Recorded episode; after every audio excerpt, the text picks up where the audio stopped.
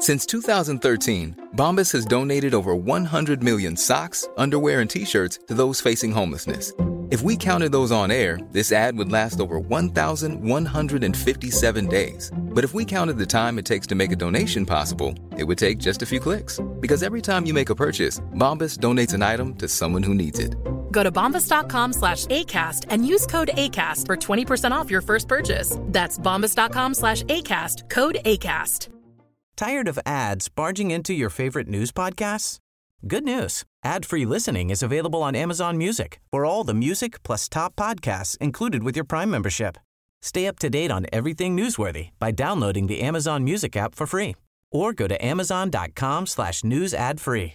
That's amazon.com slash news ad free to catch up on the latest episodes without the ads.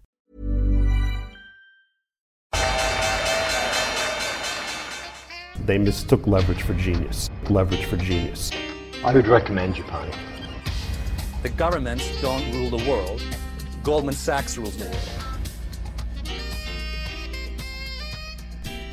Velkommen til en ny episode av podkasten 'Tid er penger', en podkast med Peter Warren.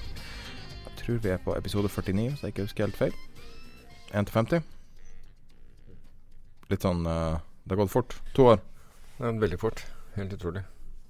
Og vi har hatt med oss samme samarbeidspartner hele veien, som er IG Markets. Eh, IG er en nettmegler for private investorer, primær, primært tradere, da, eh, som eh, ønsker å gjøre måte, klipp her og der. Og du har tilgang til eh, hele verdens marked, som er en veldig stor fordel. Da. At du like lett f.eks. kan kjøpe norske og amerikanske eller utenlandske aksjer. Long og short, like lett. Eh, du kan ha eksotiske råvarer, du kan kjøpe valuta, statsobligasjoner. Du kan kjøpe krypto, og nå har de også lansert opsjonshandel. Eh, de har eh, to klasser opsjoner, som er vanilla-opsjoner og eh, barrier-opsjoner. Um, Peter hadde en gjennomgang. Vi hadde en, um, en slags sånn konferanse eh, sammen med, IG Markets denne uka. Um, som var si, oversubscribed. altså det var venteliste på det, og det var uvanlig bra. Så jeg har hørt Peter snakke mye, og av og til er det veldig bra, og av og til er det ganske bra. Og det her er det beste jeg har hørt. Og jeg, så for meg veldig mange som ikke hadde handla opsjoner der, har lyst til å handle opsjoner for det du snakker om. da. Ja, det, det, for, ja var, for, det første var jeg overveldet over, uh, over fremmøtet. Og selv om jeg så vel på Facebook-gruppen at det var, var, venteliste, så er jeg jo alltid, er jo alltid spent på hvor mange som egentlig interesserer seg å, å komme. Men her var det jo virkelig hva man kaller stinn brakke. Det pluss at jeg syns det var veldig ålreit at, uh, at når vi oppfordret folk til å, til å fritt stille spørsmål underveis, som for øvrig bød på noen, noen utfordringer for de som, som tok opp seansen på altså, det audiovisuelle. Eh, fordi jeg måtte jo gjenta da spørsmålet, for vi rakk jo ikke ut rundt med, med, mikrofoner. Men det at folk stilte spør spørsmål slik at du kan få At man får vite det man ønsker å vite. Det, og spesielt når det gjelder opsjoner som er, er mer et mer komplisert finansprodukt enn f.eks. aksjer, så, så, er det veldig bra at folk stiller spørsmål, og du kan få besvart dem. Uh, det var jo veldig mye, mye spørsmål og mye deltakelse. Men også var det en ting i, i Peters presentasjon. Denne presentasjonen kommer til å bli gjort tilgjengelig for kunder av IG. Og uh, jeg oppfordrer deg til å signe opp selv om du ikke har tenkt å trade, bare for å se den hvis du ikke har sett den. Fordi at såpass bra var det. Og um, spesielt folk som er Altså alt fra noviser til tradere, så er det mye ting du kan plukke opp her. Fordi at man starter på en måte helt på scratch, så jobber man seg opp til kompliserte strategier. Og spesielt på den måte Peter brukte grafer. Det var en type graf som jeg ikke har sett brukt, i hvert fall ikke pedagogisk, til det her. da, så Uh, nå vet jeg ikke helt uh, om det er tilgjengelig eller ikke, men uh, du kan lage konto uten å sette inn penger på IG. Og, og, det er faktisk verdt å gjøre for det her, for det var så bra. Og, og Peter sa en ting som jeg tror kommer til å konvertere flere folk til å bli kunder av opsjonshandel, uavhengig av, av leverandør, da, men som var at om markedet står stille, beveger seg masse, og markedet er volatilt eller lite volatilt, om det går opp eller ned. Det finnes strategier for å tjene penger uansett, og det er en bra pitch. Ja, men, det er jo hele poenget med opsjoner. Er, altså, opsjoner løser ikke alle problemer, men faktisk kan opsjoner løse de fleste, fordi du har, du har muligheten til å kombinere opsjoner slik at du får akkurat uh, uttrykt det synet du, du, har. Men det er en del av en større verktøykasse. Altså, du, du, vil gjerne ha altså de, de, fleste begynner ikke å, å, skru på bilen sin, eller noen i det hele tatt ever skrur på bilen sin i disse dager, uh, med, med, med, kun en skrutrekker. Du har, du har, flere verktøy tilgjengelig.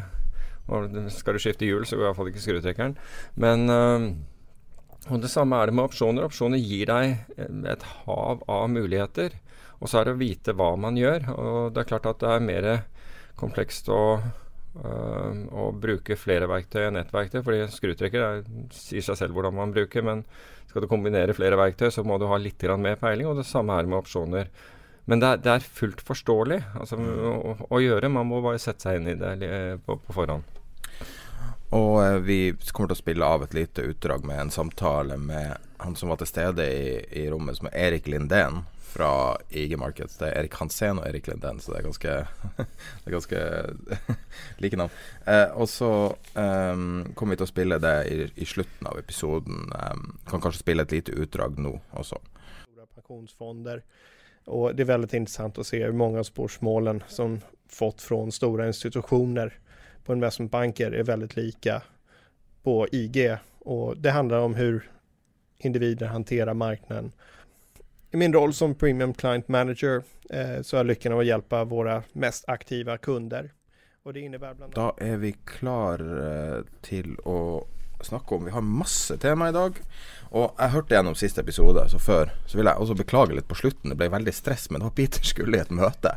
Så jeg, og vi telefonkonferanse med USA, ja, hvor, jeg å, hvor, jeg hadde behov for å, del, å si, delta aktivt i den. Så det var ikke bare noe jeg skulle lytte på og Nei. kunne ta i bilen. Nei, jeg, jeg beklager til lyttere, jeg beklager til deg. Vi hadde liksom planlagt en sånn greie, og så ble det sånn. Vi skulle bare skvise det inn. Og sånn jeg hørte på etterpå, så var det OK, jeg skjønner på Det var å peise gjennom innholdet på slutten. Mm. Så uh, det var kanskje litt dumt. Men uh, uh, det ble nå noe, noe der på slutten. så vi har litt forskjellige temaer i dag. Eh, det er folk som har forespurt her vil gå gjennom hva det er, og vi skal snakke litt om markedet som helhet year to date. Eh, både bitcoin og, og markeder og, og, futures alt mulig. Det er ganske mange store IPO-er. Eh, både altså det er notering av aksjer og notering av lån også. Altså salg av, av gjeld. En av, verdens, en av historiens største transaksjoner har nettopp blitt gjort. Mm. Eh, så har du en veldig spennende utvikling for Hellas. Eh, diverse folkefinansiering. Vi kan snakke litt om Norwegian, som uh, vi, det vi diskuterte når vi var på midt i forrige uke. Uh, det kan være at det er litt oppside i Norwegian, muligens. Uh, og så litt tilbake på Optin bank. Skal se litt på banksjefer som får kjeft av politikere. Og så sikkert litt dritprat mellom det. Vi kan først starte med utviklinga så langt i år. Du har sett det her, men hva er det årets beste performing asset så langt i år? Vet du det? Ja, altså det, det er innenfor råvarekomplekset hvor, hvor, du finner det. Uh, nå vet jeg ikke hva som er Fordi du har jo mye som skjer innenfor krypto også, men uh, men jeg lurer på om det er Lean Hogs eller noe sånt som leder an på den der eh, statistikken, hvis jeg ikke helt husker feil. Uh, men det er jo ikke noe som jeg handler, bare så det er sagt. Men, men er ikke det opp over 60% Jo. Enda mer. Hvor mye tror du Lean Hogs handler? Hvor stort markedet er? ja, Jeg vet ikke. Jeg vil jo tro at det markedet er ganske stort. Altså Pork Bellies og Lean Hogs er, er ganske stort. Uh, det er jo sånn typisk Chicago-marked. Uh, en av de få markedene jeg skulle tro som det fortsatt er aktiv pit-trading. Jeg vet at Lean, eller i hvert fall Pork Bellies var veldig lenge i pitten fortsatt. Okay. Manuell trading. Men er det behov for, for noe særlig pitter om dagen? Nei, det var, det var en av de siste som, som ikke mm. hadde dødd ut. Uh, og så har du gassolje, som har mye omtale på Vistin her. Har opp 40-55 eh, ja. VTI er opp 39% Ja, altså du har, du har, jo oljeprisen opp 40, eh, nesten, da. Ikke sant? Som, som den, den Brentolje 31% opp. Ja, er, ja, jeg så det 31, men jeg mener at den er enda mer. Men, er, men uansett, husker du vi, vi snakket forleden om eh, om, om, fond som, hadde, som, var satt opp for å ta en, ta en oppgang i oljen. Og, og, hvor vi sa at de hadde gått mindre enn halvparten av, av, av oljeoppgangen. Og dette er fond som, hvor liksom eksperter skal, angivelig skal drive og forvalte, og hvor de, du tar 20% av verdistigningen osv. Jeg så et av disse fondene nå, altså med oljeprisen opp 38. Fondet hadde steget 11 mm. um, Og hvis du hadde kjøpt Hvis du bare hadde gått og kjøpt u, altså en ETF på olje, så hadde det vært opp 38 så hvis du hadde kjøpt en ETF på olje hvor du slipper å dele noe, noe, noe som helst med, med, noen, fordi du betaler ikke noe suksesshonorar, og forvaltningshonorar er ikke 2 for det er jo nesten ikke på noe lenger, um, så, så hadde det vært opp 38% Så jeg lurer av og til liksom, hva er det folk driver med. Uh, det er jo en regel som sier at forventa avkastning er indeksen minus, minus honorarer. Ja, ikke sant. Men her er det jo mye, her er mye dårligere enn det. 38% og du er opp 11% med, med, med, med, fondet, så er jo ikke det noe suksess. Altså, men, men allikevel så fremstår det så jeg, jeg, Akkurat det der forstår jeg ikke. Bitcoin er opp, da? Bitcoin, og det synes jeg altså Det er mange spennende ting med bitcoin uh, for tiden. Og bitcoin er opp 35% Og hvis du ser jeg, tror, jeg husker ikke om det var forrige episode eller episoden før hvor vi var så vidt innom at uh, den første børsen som startet handelen med, med, Bitcoin Futures, Chicago Board of Options Exchange, CBOE, de la ned handelen. De la ned handelen akkurat på bunn. Det, altså, det er jo som det var et tegn på at nå skulle For det var temmelig nøyaktig i bunnen. Og siden har det gått oppover. Og så har, så har mange ting skjedd. Fordi altså det er jo flere og flere institusjoner. Fidelity bl.a. har begynt å, å, engasjere seg. Og flere og flere institusjoner. Alt har foregått i det stille. Og vi har sluppet den der hypen hvor, hvor folk løper og, og skal kjøpe, det, kjøpe bitcoin. Den, den, har du ikke opplevd. Og bitcoin har, har steget dramatisk. Lagarde, Christine Lagarde, altså Verdensbankens sjef, hun var ute da i uh, i slutten av forrige uke og sa at, at tiden var kommet til at, at, sentralbanker burde vurdere å utstede kryptovalutaer. Og som ikke det er, så har Visa kommet med et kort, og det er Coinbase, som nå har et kort, et, et Visa-kort, nominert i, i, uh, i, bitcoin, slik at du kan trekke på Altså hvis du har en konto hos, hos denne, på denne børsen, Coinbase, så du, har, får du nå Visa-kort på den. Og du kan da bruke den, og da omregnes den til den valutaen du, du, har behov for å betale i. Så det er veldig mye som har skjedd i, i, i eh, bakgrunnen her. Um, store, uh, suksessrike venturekapitalister fra USA, blant de mest kjente, altså folkene bak PayPal og tidlig inne i Facebook og, og, dette her, har nå investert, investerer nå i både blokkjede og, og inn, innenfor krypto. Og dette er ikke folk som gir bort pengene sine, altså. Nei, og, altså det, jeg, har sagt det tusen ganger, så beklager å gjenta meg sjøl, men gærningene er borte, og de smarte pengene er der fortsatt. Ja. Og de Goldmannene i verden og, og um, Anderson uh, uh, Horowitz og Nettopp. sånne folk. Andreessen Horowitz, Andreessen Horowitz ja. sorry, uh, som står bak Coinbase, blant annet. Ja. Og um, men en, de, de støtter bl.a. nå bl.a. Bact. Og Bact er, altså, er den nye børsen. Det er jo 17 av verdens største high frequency trader, altså tradingfirmaer. Eh, altså, da, da, snakker vi Citadel og den gjengen der. DRW, uh, eh, Virtue er nå i, inne i dette markedet. Og, og Bact er, er den nye børsen som som er egentlig myntet på in institusjonelle, og som drar priser fra hele markedet, og hvor, hvor som sagt de har vanvittig med marketmaker allerede i den. Ved starten av året, ville du ha, hvis, hvis du hadde fått uh, betaling fra, fra, en motpart, ville du ha sagt ja til dollar eller bitcoin? Um, jeg ville nok ha gjort bitcoin der, men det har med at jeg, har ikke, altså, det har med at jeg var bullish på, til, til bitcoin. Det, på, på det tidspunktet. Dollaren er nesten flat i året. Ja, men altså, dollaren er jo Ja, den er, ja, den er vel det. Men, men jeg har en nyhet. Ja, kom igjen. Jeg har kjøpt bitcoin. Hei. Oh. I helga. Ja vel. jeg satt og så på poker-NM, for jeg kjenner noen som var der. Så ble jeg sittende og se på det på TV2. Og så høynet du med å kjøpe bitcoin. Og så drakk jeg litt vin. Ja. så, så, ble jeg dratt med. Så tenkte jeg at nå skal jeg spille poker. Jeg har ikke spilt på 100 år.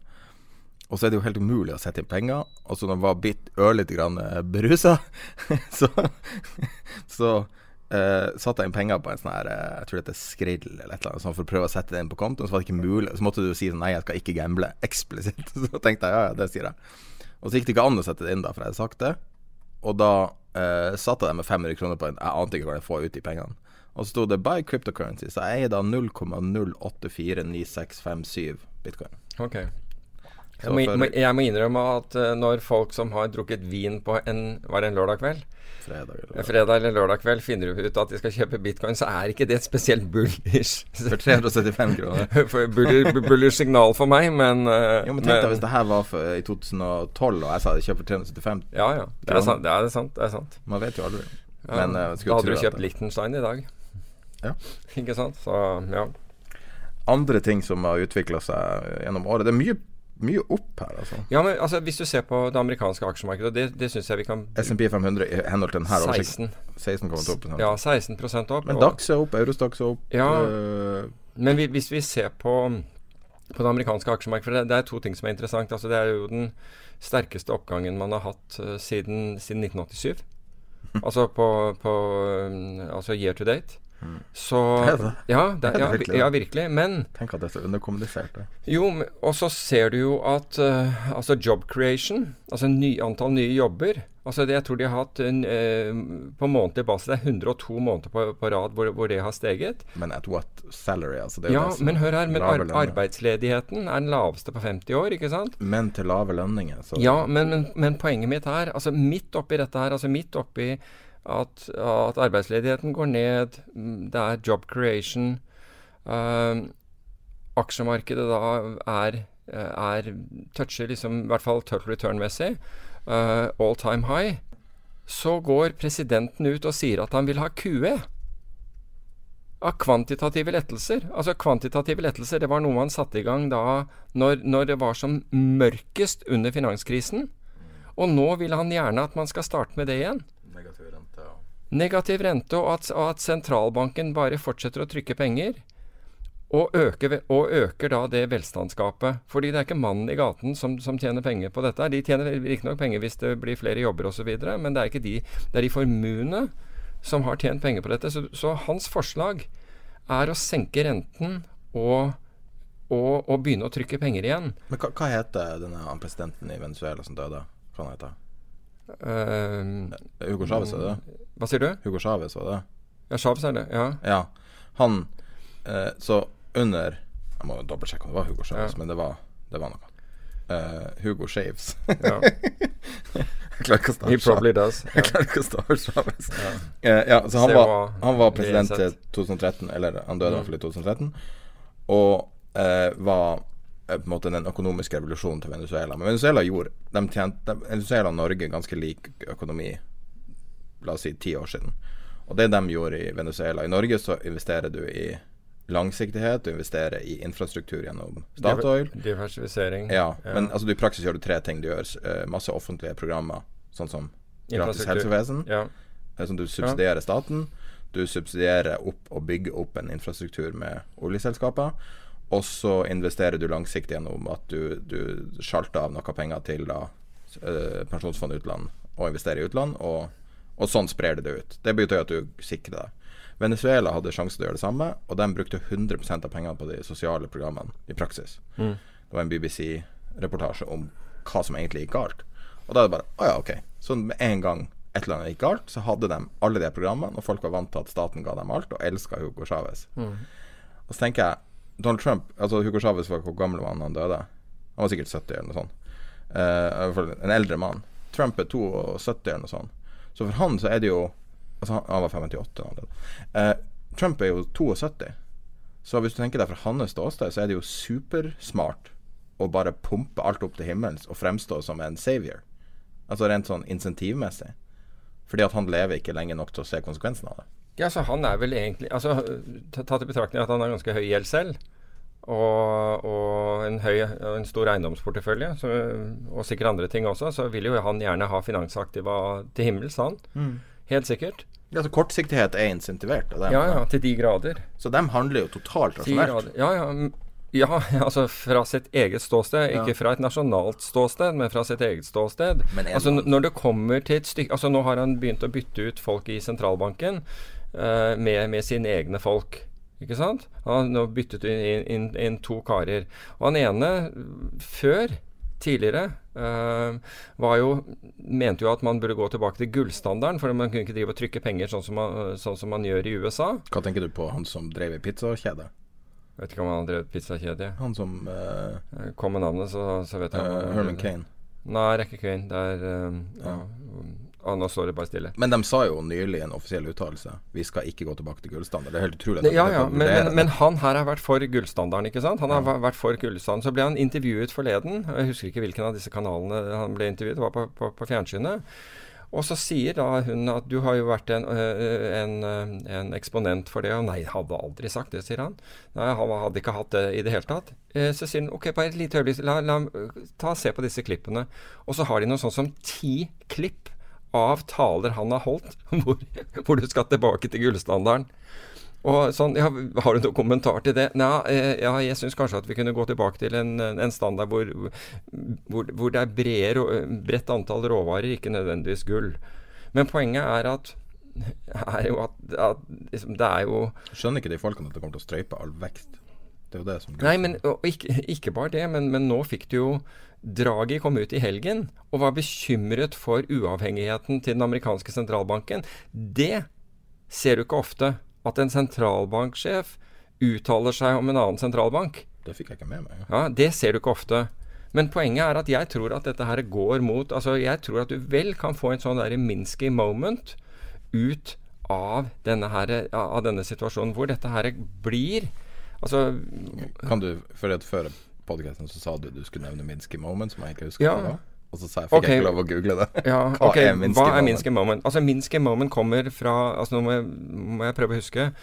Han het Hyman Minsky og var økonom. Og, øh, og ble en fremtredende økonom, økonom i USA. Øh, jeg mener at han døde like før øh, år 2000. Han døde på 1990-tallet. Sent på 90-tallet eller et eller annet sånt. Men i hvert fall i hans Han hadde da denne Denne sykelen som han eh, hvor, hvor det begynner med at alt er hedged. Altså på den der måten at, at eh, du får ikke låne uten, uten at det er sikkerhet. Det er sånn det begynner. ikke sant, Når økonomien er svak osv. Og, så videre, og så etter hvert som, eh, som økonomien kommer i gang, så får man bruke kreditt, og så og så ekspanderer økonomien og ekspanderer økonomien. Men i den siste delen av økonomien så er det, så er det på en måte finansforetakene som går helt Altså, de blir som pyromaner.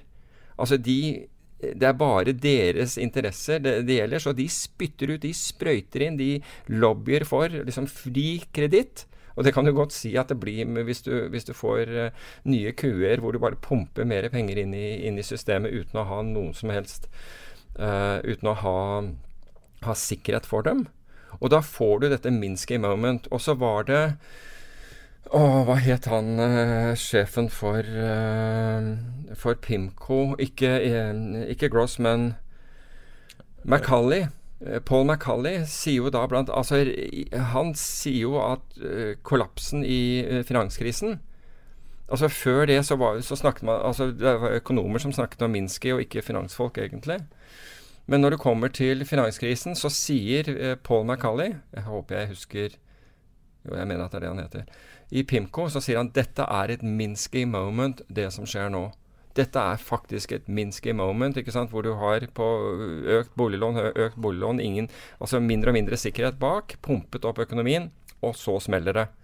Og du kan godt gå tilbake til til .com. ikke sant? Du produserte ingenting. Det var, alt var bare vyer. Hvordan dette skulle skje. Ingen brød seg om inntjening. Du skulle bare liksom blåse opp ting. Det er jo på en måte et Minsky moment, uh, det også. Og altså Det som skjer, er at vi blir så Vi, vi tror ikke at det Altså, måten samfunnet eh, beveger seg på, altså anatomien i et samfunn som hvor, hvor folk oppfatter at det er stadig mindre risiko. Altså Når du er nede på bånn og ting ser fælt ut, så oppfatter alle at det er høy risiko.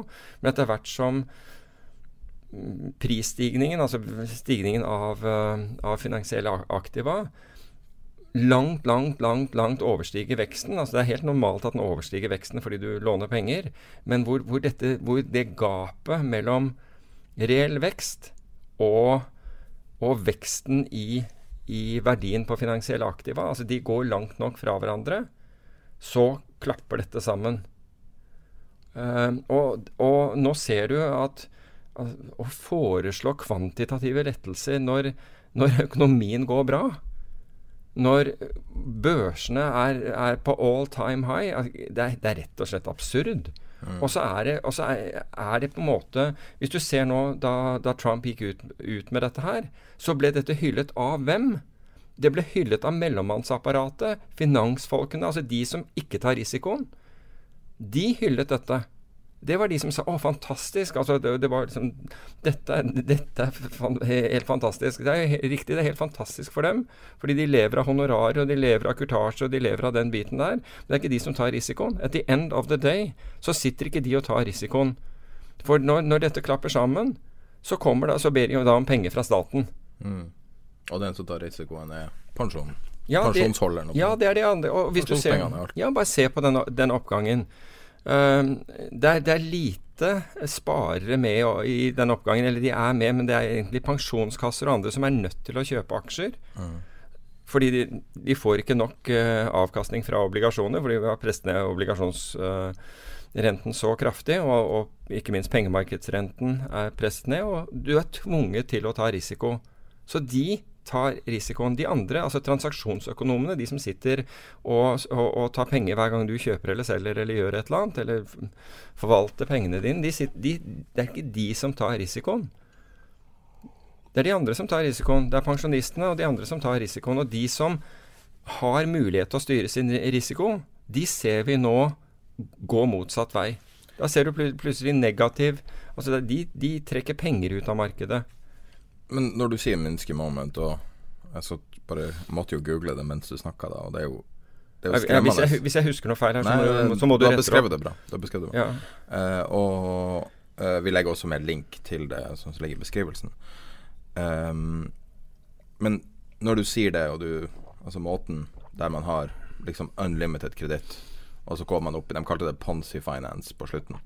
Ja. Og, og når du ser da to hendelser nå den siste uka, eller i denne perioden, kan man si. Så har du Uber-IPO-en, og så har du Saudi Aramco-utstedelsen. Så tre du har hatt lyft før det, ikke sant? Ja. Og så har du Du har liksom basically alle de smarte pengene skal cashe ut, og de skal erstattes med dumme penger i praksis. Ja. Smarte penger er WC-folkene, og dumme penger er average Joes og pensjonsmidler. Folk som er ikke in the know, da.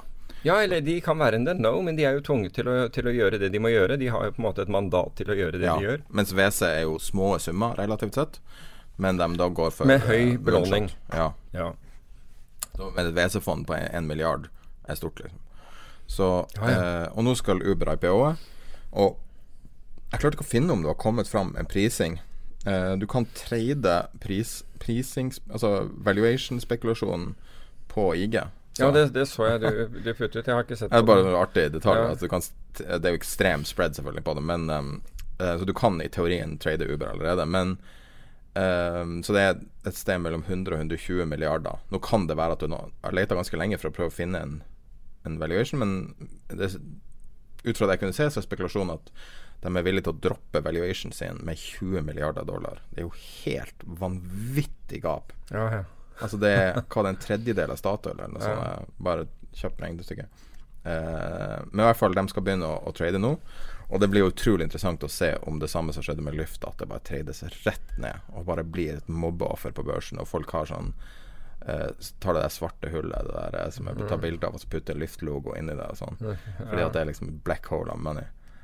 Og, og, det blir en vits med en gang, og det er på en måte det verste tenkelige scenarioet. Men det er, jo, det er jo liksom typisk når ting bikker, er jo akkurat det der. Altså ting, At det som har gått til nå, det har gått med høye valuations, og så, så skynder man seg til børs fordi man gjerne vil utnytte dette. For man sier jo at disse, disse denne verdsettelsen her, den skal jeg jaggu selge på. fordi liksom her, mm. her, må jeg sitte i 200 år før, før liksom jeg får pengene mine. Hvis jeg ikke casher ut nå, hvis jeg skal cashe ut altså hvis, jeg, hvis inntjeningen skal tilsvare denne prisen, og så, og så, får du den type ting. Men altså, vi kunne jo sagt det samme om Facebook-IPO-en. Følte du den på TV når det var? Husker du det? Ja, jeg gjorde akkurat den der, men jeg hadde ikke noe syn på den. Ikke hadde jeg noen posisjon på den heller. Men det var jo vanskelig å ha syn, for du, du tok jo en bet som sa Klarer de å omstille seg til en mobil verden? Noe dem klarte å gjøre. jo, jo, men det er jo som med, med, med, med bitcoin. Alle har en mening, ikke sant. Men uh... Men det var jo en veldig dårlig IPO, altså teknisk sett dårlig gjennomført. Og hele greia blås, eh, liksom blokka, og den, ble, den dippa veldig, men har vist seg å være en fantastisk investering uansett hvordan pris du kjøpte på. ja, ja. Så det er ikke så godt å si, men det er interessant. Jo, men it's, a, it's the tail end of the distribution. Ja. Altså det er, det er halene på distribusjonen. ikke sant? Det er de som lykkes med dette her. Altså Hvis du på forhånd ikke sant, så hadde du et utvalg, så ville du kanskje ikke sagt at Facebook er den ene som kommer til å gjøre, gjøre noe av dette. Vi vet det i ettertid. Men det var liksom en hel haug som sto på startstreken på samme tid og drev og herjet med, med dette her. Men Facebook ble vinneren. Det er akkurat det der å klare Ja, Twitter feila jo. ja, ikke sant. Det er akkurat det å klare å plukke ut den ene. Som i ettertid så, så virker det opplagt, men det er fordi vi har fått mer informasjon etterpå. Men det Altså eh, Når eh, Brasil Når Petrobras utsteder den monsterobligasjonen sin, når den driver og solgte Mm. Som jeg mener at det var en av de største transaksjonene i verdenshistorien. Jeg har ikke, ikke sjekka det, men det var enorm, enorme mengder penger. Og nå har Saudi solgt bonds for, for 100 milliarder dollar, som treide ned. Ja, Aramco. Ja, Saudi Aramco. Det Aramco, ja. Ikke Saudi. Nei, ja, ja, Ja. det er noe to, to Ja, ja, ja, delvis. Eh, Men altså, hvis du ser på siste prisinga Vi, vi drev og leita nå etter, etter oppdaterte priser ja, det, var, på det var på 97-tallet, så vidt jeg så. Men det som er Altså, igjen og det som er interessant med dette, det er jo at, uh, at det var super overtegnet. Ikke sant? Den, den, den obligasjonsemisjonen, utstedelsen, var jo vanvittig overtegnet. mm. Og det første som skjer etterpå, er at den trader i minus. Altså Folk kjøpte den på par, altså på, på 100. Og det første som skjer idet den begynner å handle, er at den handler under. Til tross for at disse gutta som, som er altså emisjonslederne her, er store, eh, store meglerforetak med markedspleie og hele den pakken der, så begynner dette å trade ned umiddelbart. De Så- sier at, eh, at de skalerte opp sånn at hver tildeling ble økt fra 10 til, til 12 milliarder dollar. For det var så stor demand. Mm. Ja. Altså Det er jo helt enorme summer Ja, ja. som justeres. Og så trader den ned. Mm. Altså Du vil jo tro at når du, når du da skal stille pris på dette altså Det det er det som har skjedd. For, for disse, disse som driver markedspleie, de store meglerforetakene, de som faktisk kan ta risiko fortsatt, og er villige til det, de stiller jo da en pris rundt, rundt par ikke sant, til å begynne med, og blir truffet på kjøperen. Jeg kan tenke meg altså Mulig at de, de, visste akkurat hvordan dette ville gå. Det kan hende at de sitter på informasjon som, som er, er, er, eh, er mer presis enn, enn, enn det, vi, enn det tilsynelatende uh, skjedde. Ja. Men jeg, altså de bakker av så fort de, de får, får på seg, altså så fort de begynner å kjøpe. Altså at, at det selges til dem. Men tenk deg det, altså, altså for at denne skal trade ned, så har noen av de som har fått tildeling, umiddelbart snudd seg og bare Yours, jeg vil ut. Noe suksesshonorar for å få tildeling, kanskje? Internt i banken? Ja, kan være. Kan være. Det- At du det- får en er eller annen sånn. At du unlocker en bonus. Ja, kan hende. Men altså noe er jo det der at du må vise at du er stor og kan ta dette her og gjøre disse, disse tingene. Fordi etter dette følger andre emisjoner, og, og ikke bare det, men, men de, de skal jo ut med aksjen også. Men det, det, det interessante også, i forhold til, bare for å ta det, i forhold til uh, i forhold til denne overtegningen, det var jo at eh, Saudi, altså etter en Khashoggi-affæren, hvor, eh, hvor eh, du går inn altså Vær forsiktig med disse med, Nå skal jeg være veldig forsiktig, for jeg har et, sånn, jeg har et Saudi-ambassade oppe i veien. Hvor du går, går inn og kommer ut i deler, holdt jeg på å si. Du, du, du, Jesus Christ! sånn. Men, men, eh, men denne affæren, så, så, så var det jo flere altså, av verdens altså, fremste finansfolk som da ikke ville dra til Det skulle være en sånn financial summit, economic summit i Saudi-Arabia. Og som da kansellerte turen sin over der, og øh, som da uttrykte at dette her sy syns vi ikke var greit på den måten. Men det neste som skjer, er at når obligasjonen legges ut, da er den overtegna. Det er jo samme, det er som du sier, det er, det er Altså hvis du Du kan ikke ta en Du kan ikke ta og si at uh, Saudi Aramco er, er Saudi-Arabia, men du Altså du kan, du, kan, du kan samtidig argumentere for at det er det. Jeg vet ikke hvem som er CEO, men jeg vedder på han er en kronprins. Er ikke alle. De har 9000 prinser. Ja.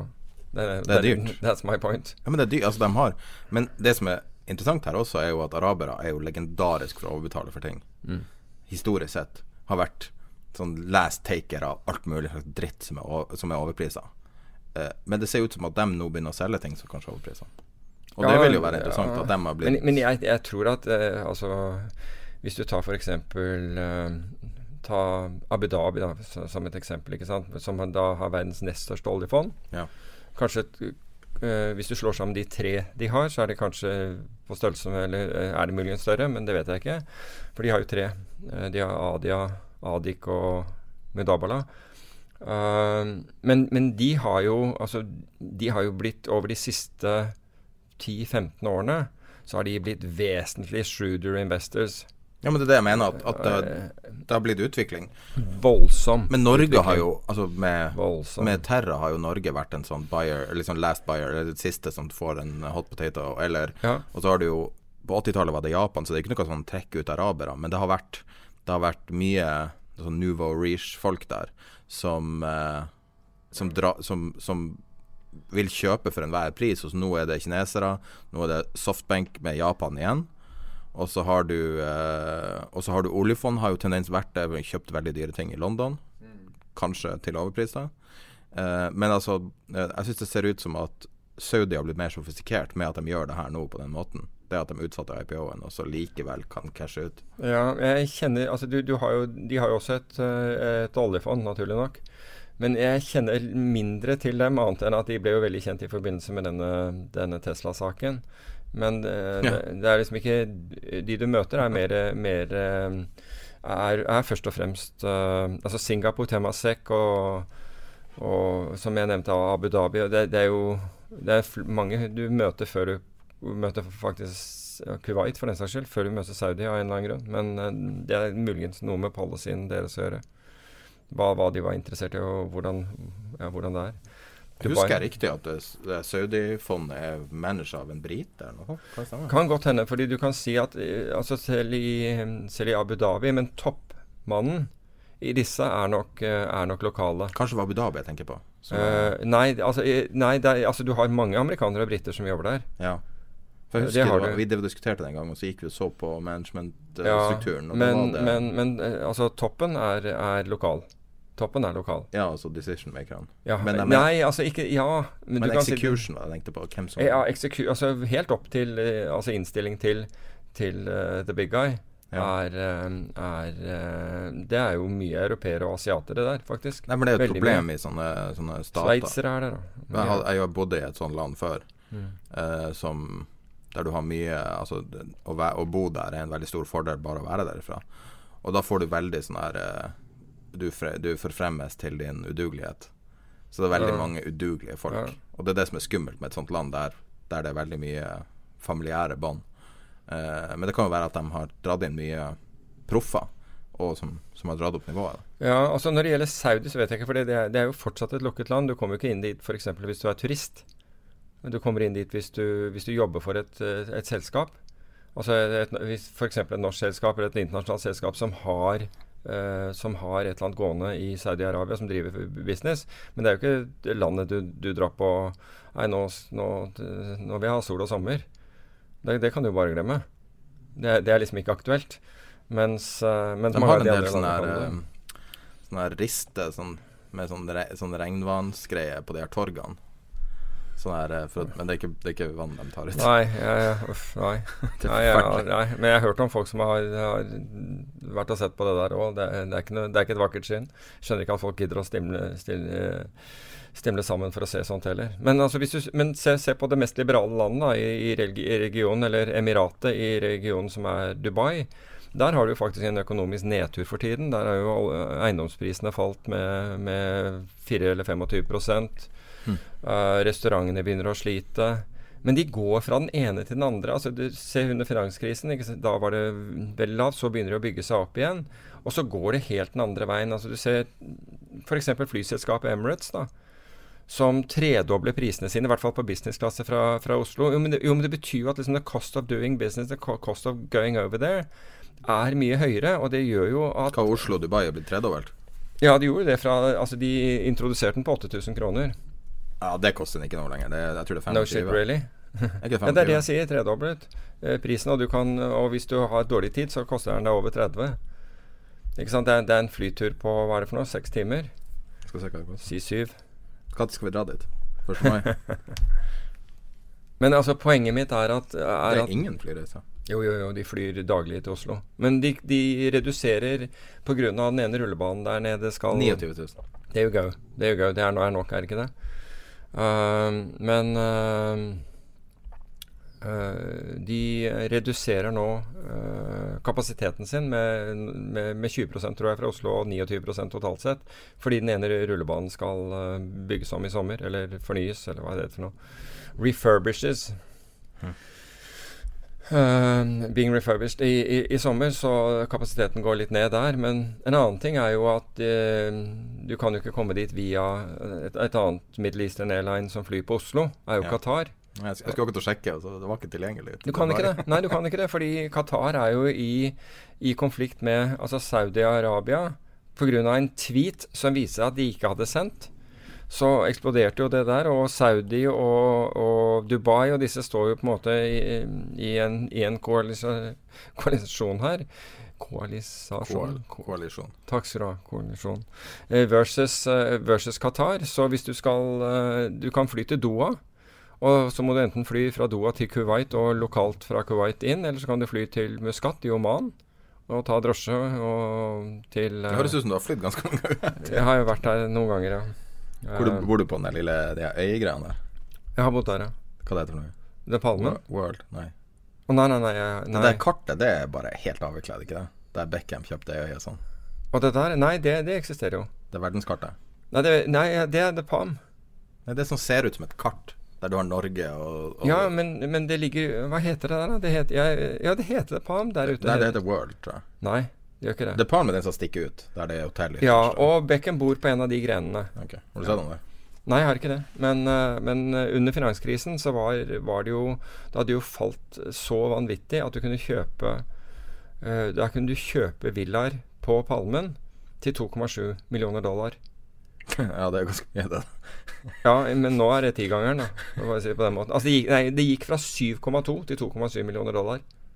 7,2 kostet de når, når de ble bygget, og så kom finanskrisen, og da var vi nede i 2,7. Ville du ha kjøpt en bolig som er bygd på sandgrunn? Uh, nå, er ikke, nå er det jo ikke akkurat det der havet der som koker mest, da. Og så ligger jo inn Altså hvis du Palmen ligger jo på en måte I hvert fall de grenene der ligger jo godt beskyttet. Men det der eh, The World, den jeg snakker om, den der er det bokstavelig talt. Der Men The World, det, det, skulle, det ble vel bygget uh, Nei, den begynte å stoppe, det var det. Det ble Ja, bygd men- ett hus der. Ja, men The World, det var hakket nærmere Det var nyest Altså da skulle man gjøre det samme en gang til. Og det er nærmere Abu Dhabi. Det er på vei til Abu Dhabi, det. Altså ut av, eh, ut av Dubai på vei til Abu Dhabi, mener jeg. Men, eh, men eh, i Qatar så skulle man jo gjøre det samme. Der har man også begynt å, å gjøre det samme. Map of Islands, tror jeg det heter. Okay, det, Dubai World, du har rett. Ja. Men Det ser ut som det gjør comeback her. Nei, er det Men det er et eksotisk land, da. De er ambisiøse som helvete. Men det, altså, du kan si eksotisk Jeg vil ikke si at det er eksotisk. Det er jo som å være i en, i en uh, europeisk eh, hovedstad, egentlig. Jeg mener ambisjonsnivået er sånn. Ambisjonsnivået er liksom, det. Det sprøyter jo penger inn, men liksom det, det er jo alle de dyreste hotellkjedene, alle de dyreste restaurantkjedene alt, altså du, Det er jo It works, ikke sant? De, er mye infrastruktur, utbygginger, utbygginger. Det er jo um, Og det er sol og sommer hele tiden. Altså, på, på sommeren er det riktignok 50 grader, så det er jo litt mye. Men når vi snakker om sånn Hvis du, hvis du ønsker å hoppe fallskjerm, så har du jo fantastisk senter der, rett ved siden av palmen, faktisk. Hvor kaldt er det når Fra, du kommer opp? Der er varmt i høyden. Det er varmt i høyden. Det, det kan det være til og med i Norge på, på sommeren. Kan det være helt, altså T-skjorte under en hoppdress, eller til og med T-skjorte og shorts å hoppe med. Hvis du altså Ikke på morgenen, riktignok, Ville du ha hoppa med sånn som han der eh, Han der eh, Han som har sponsa Red Bull, som hopper eh, i bare overkropp med bare skjorte og ingen Nei, bare bokser og ingen eh, ingen fallskjerm. Han tar de på han, Tra- Travis uh, Pastrami. Pastrami? Ja. Nei. Nei, det får være grenser. Jeg er jo til og med redd høyder. Så nei. Altså hoppe uten fallskjerm og så, og så Var ikke lande, du i- et nett. fallskjermjeger eller noe den Jo, jo, men uh, jeg, har, jo- jeg er jo redd høyde for det. Jeg hater jo det der. Jeg, jeg er en av de der få som da vi hoppet lavt, altså skulle settes inn veldig lavt. Og det var 300 fot fra en sånn Hercules, og det er jo Det er, det er ikke noe vits i å ta med deg ta, ha på deg reserven engang, fordi det kommer du aldri til å klare å trekke. Nå er det jo automatåpner på, på, på hovedskjermen. Men uh, Er det vanskelig å hoppe hvis jeg har lyst til å begynne å hoppe i fallskjerm nå? Ikke, ikke, ikke fra 300 fot sånn, Fordi da, bare, da går du ikke ut i noe X eller noe sånt. Og da har du bare bena sammen og armene over. Nei, men hvis du har lyst til å begynne å hoppe i fallskjerm, og ikke vil hoppe tandem Er det vanskelig? Ja, det jeg vil ikke anbefale det uten, da, uten at du får litt opplæring. Jeg vil ikke det. Tar det en uke, eller? Uh, nei, det vil nok ta, det, hvis du tar AFF-program, altså Accelerated Freefall, hvor du har hvor du hopper med to instruktører altså som holder tak i deg. Du er ikke bundet til noen, Nei. men de holder tak i deg. Altså For det første så du, uh, blir du opplært på bakken til hvordan du skal ligge i luften og hele greia. Men da er det du som trekker selv. Ja. Men det vil si at de kan, de kan nappe håndtaket Men hvis du hopper helt alene, da, liksom. Hvis du skal gjøre det, hvis du vil ta risken, liksom. Å hoppe helt Hvis du ønsker å ta risken. Hvis du ønsker å hoppe, ja, Da bør du ha en rundskjerm, ikke en firkantskjerm. For med en firkantskjerm så kommer du til å fly deg inn i bakken ganske kraftig. For du kommer ikke til å vite at du skal opp mot vinden, og du kommer ikke til å vite hva du skal se etter for å se hvor det blåser fra og sånne ting. Okay. Så da kommer du antageligvis ikke til å, å, lande opp mot vinden. Du vil ikke vite når du skal bremse ned skjermen. Gjør du det for tidlig, så ståler den og detter. Det er, det er, ikke, det er ikke å anbefale. Uh, så Nei, jeg ville ikke anbefalt det, men altså en rundskjerm, altså hvor du bare hopper ut uh, med føttene samlet og ikke gjør for mye ut av det Sånn som andre verdenskrig? Som er, ja, ja, så, som er linutløst. Da kan du jo ikke sant, da kan du jo klare deg. Sånn som i Band of Brothers? Ja, du treffer jo bakken Altså, du treffer jo bakken med et godt søkk. Du gjør det, men det, har du føtter og altså anklene og knærne dine samlet, og holder de samlet og albuen inntil altså hendene, hendene og albuene inntil kroppen, så går jo greit. Men det, det passer jo veldig bra med sånn eh, hoppe og treffe bakken hardt med det her Det du brakte inn som Som var Minsky-momenter. Og eh, jeg sitter jeg driver og skal lukke den der faen med med Stumble in Saudi Aramco Bonds. Eh, men det er virkelig noe spesielt som skjer når Altså, i markedene så sitter man alltid og ser på sekundærmarkedet. Det er mm. liksom det er det, jeg, tror, jeg, tror, det er mange som egentlig aldri reflekterer over hva du ser på. Der er pengene tatt ut, og det er bare bytte eier. Altså underliggende bytte eier, men selskapene eller landene får ikke inn noe nytt. Men når du ser store summer som blir Altså store gevinster som blir tatt, så er det alltid signifikant. For det er noen som sitter på alltid en annen person på andre sida av trøyden. Ja, ja. Og sånn som du snakka om eh, i op eh, opsjonsmarkedet, at du må alltid forstå at det er noen som er villig til å ta motsatt side. Hvorfor ja. gjør de det? Ja, eh, hvorfor selger noen huset sitt, liksom? Det er jo alltid interessant å vite hvorfor noen selger. Um, og det at, at Saudi Aramco nå tar så stor Altså tar uh, gevinst i så stor grad, da de smarteste investorene til Silicon Valley én etter én tar så stor gevinst så er det sånn som ned at, at Goldman sin tradinginntekter er ned i dag, f.eks. Og så har du Altså, du har alle de her mm. Det siste tiåret har jo vært mobilens tiår, på en måte. Og nå begynner én etter én etter én å cashe ut. Det er noe ja. signifikant her. Ja. Kan ikke helt si akkurat hva det er, men Men når, når du sier det der å vite om noen vil selge det var, Jeg var i, eh, i, i New York med en kollega vi hadde på jobb. Og så helt tilfeldig så, så, treffer jeg en, eh, en, person som jeg, en fyr som jeg kjenner fra UBS, altså Union Bank of Switzerland. Han, en engelskmann. Han satt jo i London, på, på London-kontoret. Og så sier han eh, Kan vi ikke spise middag i kveld? Så gjør vi det, da. Og så spør han hvor, hvor har dere vært, eh, liksom, hva, har du holdt på med? Og vi besøkte forskjellige hedgefondforvaltere og alt mulig sånn, og fortalte hvor vi hadde vært. Og så oh, sa han, oh, oh. Det, den, den, kunden har kostet meg. Jeg skal ikke, jeg skal ikke nevne hvilket hedgefond det var. Um, Uh, så sa han åh, det, de, var liksom, de var sånn widowmakers å, å stille priser for. Uh, eh, F.eks. i valuta eller hva det måtte være. De var sånn widowmakers. Det var sånn åh, var aldri bra. Han sa når det kom sent i desember, og de kall, ringte opp og spurte om en pris i f.eks. dollar igjen, og vi hadde sett de gjøre noe spektakulært aldri, akkurat den dagen i faktisk dollar igjen, uh, så tenkte jeg åh, der røyk bonusen min.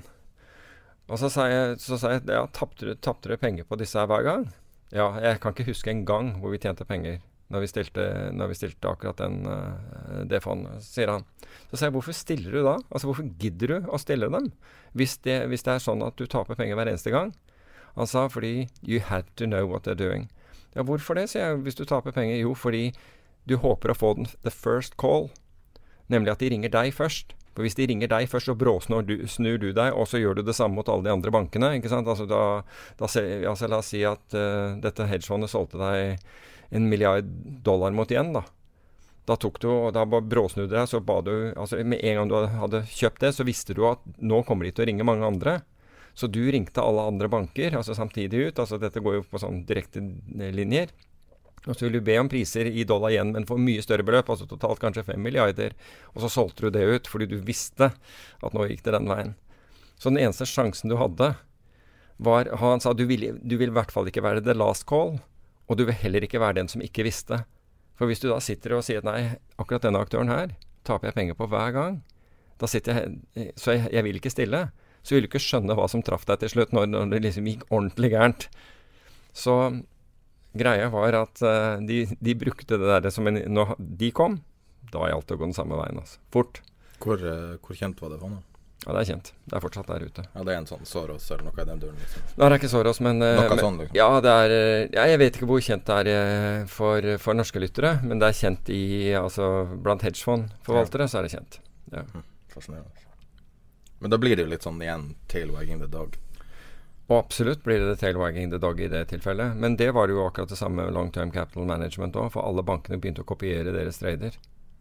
Så det var ikke bare eksponeringen til long term capital management, men du fikk, du fikk eksponeringen til samtlige store investeringsbanker i verden. Um, Bloomberg uh, En av de sjefene i Bloomberg faktisk har skrevet en artikkel som sier uh, Global investors recently bought 2.5 billion euros of Greek bonds. They weren't hallucinating. mm. Altså, det sier jo litt Altså, gresk økonomi er sånn du det er veldig spesielt det som har skjedd med uh, obligasjonsmarkedet. Noe du calla for lenge siden ja. at det var weird. Um, og den Altså, alle som fulgte det her i 2012 og 2011, 12, 13, skjønner jo ikke hvordan det her kan ha skjedd. Men dem er bare monster-comeback av monster. Ja, ja. Altså. Monster-comeback, men det er jo takket være altså, hjelp, altså finansiell hjelp, støttehjelp. EU funka. EU funka. Ja, at the end of the day, EU funka. Men nå kan du spørre deg selv har det funka for godt. Fordi hva skjedde i forrige uke? Jo, nå låner Hellas Hellas låner billigere penger enn USA. Ja, det er i euro og USA i, i dollar, men femårspengene Altså nå, nå, for, nå, lar du Hellas låne billigere enn USA. Mm. Tenk på, altså Det er en viss økonomisk forskjell mellom de to landene. Og nå tenker jeg ikke i størrelse, men nå tenker jeg i lønnsomhet. Get real her. Altså, det der er absurd. Det er absurd. Det, men det kommer av bl.a. av indekskjøping. ikke sant? Altså, Store pensjonskasser er nødt til å kjøpe indeks. Og så, gjør, og så, så inneholder indeksen greske statsobligasjoner, så blir de kjøpt. Og har de en høyere yield, så blir de kjøpt. Men nå får du høyere yield da, på, på, amerikanske. It's a, it's, it's a strange world. Så, så, så, du kan si at ja, header vi for et sånt Minsky moment? Ja, jeg syns det er veldig mye som tyder på at vi header at vi er på veien mot et sånn Minsky, eh, Minsky-øyeblikk. Betyr det at det skjer i løpet av påsken? Nei, overhodet ikke. Liksom det kan skje anytime og, eller, eller om, om, om, lang tid. Det er ikke noe timingindikator på samme måte som forskjellen mellom to års amerikanske statsobligasjoner og ti års amerikanske statsobligasjoner. Alle liksom snakker om det i perioder også, men det, det, har aldri vært en bra timingindikator. Det har vært en god indikator for hva som kommer til å skje, men det er jo ikke sånn at det umiddelbart skjer. Men Kan du på en måte si at Minsky, den grafen som er vedlagt i beskrivelsen av podkasten, som vi også deler i gruppa på, på podkasten, at uh, Minsky er en illustrasjon av at alt som er av gode ideer, har blitt funda, og alle verdiene er tatt ut. Fordi at du har hatt kreditt som Altså, du har sånne ting som Facebook kom i 2004 og fikk relativt lett funding i et røft marked. Og så blir markedet mykere og mykere, og så kommer YouTube og blir kjøpt for en milliard, og så, som var veldig mye da og veldig lite nå. Og så, så har du liksom eh, Facebook kjøper WhatsApp for 16 milliarder. Og så har du eh, en av de største, altså det her eh, glorifiserte eiendomsselskapet som, som, som, har også vært som mange har brukt som indikator, jeg husker ikke hva det heter engang. Som er amerikansk sånn hipster eiendomsselskap. Eh, som er verdsatt til helt uendelig og bare Altså ingen logikk. Det rimer ingenting. Og så har du nå liksom Uber og Lyft som begge Det er i hvert fall en mulighet de aldri kommer til å tjene penger. Det er i hvert fall spekulert i at det aldri kan gå i pluss. Og, er, og det er jo også en god idé, for det er enorme transaksjoner som, som skjer gjennom de her appene.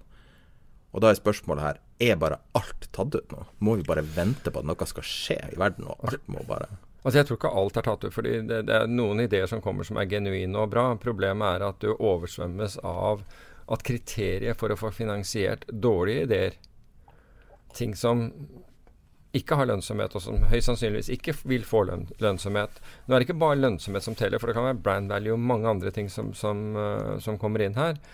Men, men når, når kreditt blir så lett tilgjengelig at på en måte alle sperrer for for, for, vurdering fjernes. Alle vurderinger, altså Det er ikke det det handler om. Det handler egentlig om transaksjonskostnader og altså transaksjonsinntekter ved å få gjennom en emisjon til. Maria Granlund, eh, som er porteføljeforvalter Nå er jeg ikke sikker, Er hun i Alfred Berg fortsatt? Mente, men, ok, men Unnskyld meg hvis jeg tok feil selskap. Men, men hun i hvert fall nevnte en obligasjon, skrev om en obligasjon i Dagens Næringsliv hvor, hvor, selskapet gikk dundrende over ende kort tid etterpå. Og, og, hvor hun også påpeker at her har man jo ikke gjort jobben. Altså De som, de som har, har, har, eh, gjort analysene og lagt ut denne obligasjonen, har ikke gjort jobben sin i forhold til uh, dette selskapet i det hele tatt. For henne, nå vet ikke jeg, for jeg har ikke analysert det, men måtte det vært åpenbart. Det er klart at når det lar seg funde, og ingen, altså ingen på en måte bryr seg lenger, fordi de, de ser kun på hvilken avkastning er dette i. Ja, jeg tar det, kan ikke gå så gærent. Det er, det er så lett tilgjengelige penger, og alt er så bra for tiden. Det, det, det, er jo vi selv, altså vi som er markedsaktører, samfunnet om du vil, som, som feller oss selv. Det er jo det Minsky mente også. Med, med, det han sa. altså Du har den vanlige finansieringen. har, sant, Gjennom kreditter så, så, blir det en sånn Ponzi-scheme hvor hvor det er egentlig bare snakk om å, å få nestemann til å kjøpe av deg. Hot potato. Ja, det er hot potato, for det er ikke verdt noe.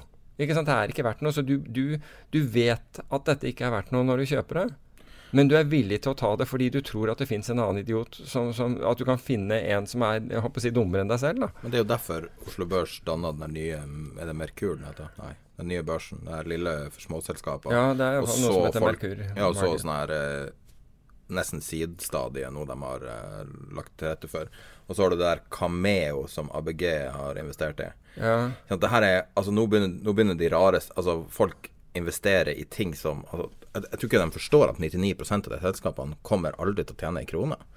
Nei, altså det er rart. For, altså, vi har jo fått henvendelser både fra, fra, fra norske, men, og, men, flere internasjonale. Ja, podkasten. Ja. ja, både podkasten og bloggen i forhold til det derre som, som, vil gjerne ha, få lov å skrive gjesteartikler og pr promotere crowdfunding og folkefinansieringer og, og alt mulig sånn. Og Det betyr jo ikke at, at folk, folkefinansiering er en, er en, dårlig idé. Men du ser også nå fra utlandet at nå har det vært en del kollapser innenfor dette.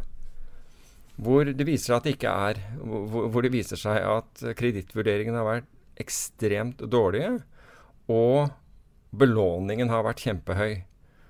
Og du har jo den siste nå, den, den, har jo faktisk fått konsekvenser. London Capital and Finance, den får jo, altså, den får jo konsekvenser. Der snakker vi om at investor, investorene, altså disse småinvestorene, kan ta, ta altså totaltapet i norske kroner dreier seg om 2,6 milliarder norske kroner. Mm. Vi snakker om Fordelt på 14 000 folk. Ja, er de kommet opp i 14? Jeg visste at det var over 11 i hvert fall. Men, men, men de har da altså loan to asset ratio, altså de låner i, i forhold til um, altså, denne, denne, altså London Capital Financial hadde en loan to asset ratio på 160 til 1 de utstedte noe som de kalte miniobligasjoner, minibonds. Og det viste seg at, og hvorfor gjorde de dette her? Og for det viste seg at disse minibondene at når de klassifiserte som det, så var de ikke regulerte. Mm. Selskapet, London Capital and Financial, var regulert, er regulert fortsatt. Men hør på dette. De har byttet revisor tre eller fire ganger. Riktignok hadde, hadde, var det PwC hadde trukket seg fordi de ikke kunne få nok honorarer. Mens Ernst Young hadde da signet off på dette til tross for at, at flere mente at her var det noe gærent med dette selskapet. Så det var en ren sånn Ponzi-scheme. Men på toppen av det hele 8% returns. Ja, men, men på toppen av, av, det hele så har det faktisk fått konsekvenser for, for det britiske finanstilsynet. For sjefen for det britiske finanstilsynet. Altså, De hadde sett på dette her, og de hadde ikke gjort noe. De hadde vurdert dette i, to, i 2017, hvor dette selskapet var ganske lite, og hadde da faktisk ikke behandlet saken. De hadde gjort et sånt eh, tilsyn og vurdering av dem, som da viste seg at det burde vært stengt da. Mm. Og så går det da, eh, så går det da nesten to år til før, før, før det smeller. Og, og, han heter altså Andrew Bailey, som er sjefen for Finanstilsynet. Han skulle, han skulle gå til nå til ny toppjobb i Bank of England. Han skal overta for Andy Holden i, i Bank of England. Fra FSA? Ja. Det skal han ikke gjøre lenger. Hm. Han er da funnet ut at eh, eh, det der var så dårlig håndverk at eh, det skal du ikke gjøre. Så, FSA er jo utrolig viktig i Europa fordi det er så mange som er regulert fra ja, ja, ja, ja. Så uh, her er både FCA og FSA har, har ikke gjort jobben sin i, mm. i, i dette tilfellet. Men, uh, men, det er som, altså, jeg visste ikke at det var såpass mange som 14 000, men altså, det er vanvittig med småsparere som da ser ut som de kommer til å tape alt mm. på dette. Men det betyr ikke bare så det er sagt, altså det betyr ikke at folkefinansiering per se er dårlig. Men, men det er litt grann det vi snakker om. altså At lette penger, altså lett tilgang til kreditt, senker eh, standardene. Og øker da Og øke transaksjonene. Ikke sant? Altså øker, øker antall transaksjoner, øker, øker, honorarene til de som på en måte driver dette gjennom, og som ikke tar risiko. Og det er der man skal være forsiktig. Du har det, du har aksjemarkedet liksom i, i sånn all time high, i hvert fall altså når det gjelder amerikanske på, på total return-basis. Uh, op opsjoner. Vixen er, er kommet på, på, det laveste nivået som vi har sett nå siden oktober 2017. Ja. Og nå er du er jeg tror du er 11 eller 10 000 kontrakter fra rekordantall shorter. Mm -hmm. I den, skikkelig altså, short squeeze. Ja, skikkelig short, short squeeze. Og, og vi har jo sett at Vixen kan short, jo få en vanvittig ja, ja. squeeze. Altså, ja, ja, altså folk er short alt, ikke sant. Altså, de, du er netto På grunn av ETF-en. Ja, du er, ja, du er liksom short over, over hele linja. Så. Men vet du hva som kan gå? Det har vi snakka om litt. Og det er Norwegian. Som Altså, jeg sier ikke det er ingen som helst analyse eller anbefaling. Men hvis du bare ser på hva de har Jeg vet ikke hvor mye cash de har igjen etter uh, den uh, utstedelsen. Vi bør kanskje si at altså Jeg vet ikke hvor, for ditt vedkommende Jeg har ingen investering i Norwegian PT. Jeg har, ingen, jeg har aldri norske aksjer. Nei, men, men, det er bare greit å si hvis vi først skal snakke om et norsk selskap. Ja, ja. Nei, altså det jeg sier er Det var en i gruppa som var oppmerksom på det, og så gjorde jeg bare kjapp utregning på onsdagen, tror jeg. Og da var ja. Norwegian more or less priser på cash de hadde nettopp henta inn. Og jeg har ikke vært sett på kontantbalansen, men jeg skulle tro de har litt penger. Og eh, altså det de har solgt av, eh, av, eh, av aksjer og, ja, og diverse andre verktøy. Og i tillegg aksjene de eier i Bank Norwegian. Mm. Det var basically verdien av Norwegian. Så på en måte kan man si at Norwegian var null verd sist uke. Nå er litt, har litt oppsiden da. Ja sånn more or less null verd. Så, og så argumentet ditt er at uh, det er Hvordan kan det falle mer enn null, liksom? Hvis du får enorme krav og konke, liksom? Så. Ja, hvis du er aksjonær, så, så er null bånden din, ikke sant? Eller så langt Man kan jo si kan. at man kan kanskje få krav, altså teoretisk sett, hvis du går lavere enn det nullnivået. Kanskje at man får noen krav som da gjør at man må utlevere de her aksjene i Bank Norwegian. Men altså, tingen er at Norwegian er lav priser nå, altså, uansett hvordan du vrir og vender på det. Ja, eh, men igjen, så jeg, ser jo at det er, eh, det er uh, ulike meninger om det. Så et annet meglerforetak mente jo at dette skulle videre ned, og av en eller annen grunn så var det var, var, kurs 35. Det var helt avgjørende. Ikke aner jeg hvorfor, men hvis det, gikk under 35, så var det helt natta. Jeg så ikke noe resonnement bak det, så jeg vet ikke om det var et teknisk argument, eller om det var en eller om det hadde med økonomien til uh, Norwegian å gjøre. Men jeg er veldig enig. Altså, Norwegian må, altså Når du sier at Norwegian er altså Flyselskapet er pris til null Det er klart at det, det kan du jo ikke sant? Så, så, må man jo si OK, hva er, hva er, verdien i selskapet? Men du må diskere det mer enn jeg gjorde, da, for å si det 100 det, Ja, nettopp. Men jo, men, jo, men, men la bare liksom jobbe med det der i hypotesen, så er det klart at brand value eksisterer fortsatt. Det må det være. Det må Ruta være har jo stor verdi. Hva sier du? Ruta, Rutene, slåtter det er, må jo være ting i dette selskapet som er verdt noe. Altså Det er definitivt risiko for oppkjøp der, f.eks. Nå, på denne prisinga. 100% Det er enorm gjeld og veldig stor usikkerhet knytta til ledelsen nå. Mm. Altså, jeg har ikke analysert Norwegian, men jeg bare syns det var for veldig mange av lytterne som, som trader både Boeing og Norwegian. Og jeg sa jo i en chat at jeg på veldig kort perspektiv var long Boeing, ikke nå lenger. da Okay. Så jeg har ingen interesse av noe som helst. Mm. Men uh, Hvordan gikk det, forresten? Null. Mhm. Pluss minus null. Mhm. Eh, kanskje litt pluss. Eh, men ideen her er at bildet av Norwegian er noe veldig, veldig negativt.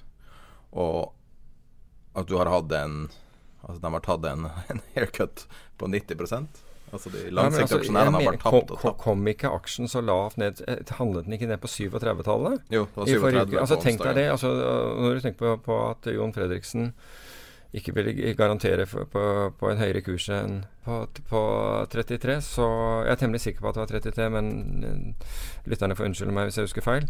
Men uh, det var tydelig, han hadde tydeligvis gjort hjemmeleksen sin. Altså Han hadde gjort et et regnestykke der som uh, Altså Det virket jo absurd når det kom ut. At, at man måtte så langt ned. Da virket det faktisk absurd. Men uh, man skal ikke Ja. Det, Hvor mye tror du han vet at det kommer til å skje? Hvor mye innsikt har Nei, han? jeg tror ikke han vet det. Altså, jeg tror at eh, noen gjorde, noen gjorde et solid regnestykke der. Han har eh, ikke kvante, men en han har veldig dyktige Ja, finansielle ja, jeg tror, ja, jeg tror at noen gjorde, gjorde en sånn Sikkert kan godt være back of the envelope, men allikevel fant ut at Hør her. Her skal vi være. Dette er, dette er fornuftig. Her, her, her har du minimal risk, Jon. Hvis du gjør det på denne prisen. Eller sikkert, Altså, jeg vil jo tro at forslaget var om å gjøre mye høyere. Men hvor noen har sagt mm, nei, liker ikke det, liker ikke det, liker ikke det. Så ender vi opp med det, og da er det 33. Altså, tror du en kom til han og sa 45, og så sier han eh, Jeg tror sikkert at noen kommer med et eh, forslag på et høyere nivå. Det skal mye Da til. lå de på det- 100. Hva sier du? De lå på 100 da. Ja, var det, ja 190 eller hva, hva det var. Men liksom 33 virket jo helt absurd på, på det tidspunktet. Så har de fått cashen, og så handler du ned til 37. Huh. Peter har fått seg bok også. Jeg, fikk ikke et eh, Jeg vet at Oslo Børs hører på det her, så hvis dere har lyst til å sende meg en sånn Børsen-historiebok Jeg kan betale for det. Uh, jeg, jeg, jeg prøvde å få Peter til å ta med en sånn til meg og stjele det med, men han, eh, han kunne ikke det. Nei, det, det, det ble delt ut uh, Altså, det var ikke sånn der bare gå og forsyn deg fra et bord. Du, eh, det ble delt ut. Det er gullskrift. På, ja, dette, er, dette boken er i forbindelse med børsens 200-årsjubileum. Altså, det var jo eh, det, var, det var jo taler der, og da var det jo bl.a. Norsk Hydro fikk da æren av å, å snakke for, for, for selskapene. Vil, altså Den boken er på 400 sider, så, eller nesten 400 sider, så jeg vil ikke jeg vil anbefale deg å begynne å lese den nå. da, da, da, jeg fikk beskjed av Peter eh, ti minutter før podkasten. Kan ikke du bare ta og oppsummere boka ja, bare kjapt gå gjennom den. Men eh, du var jo der tidlig, så du ca. midt i boka, så er vel du Nei, altså de har om opsjonsmarkedet der, men, eh, men du kan si at jeg vil jo si at den Det er vel ikke helt presist skrevet det om opsjonsmarkedets eh, begynnelse, så nå husker jeg ikke akkurat hva, hva forfatterne Det var Brautaset, eh, Ek Hva er det for noe? Står det ikke øverst der?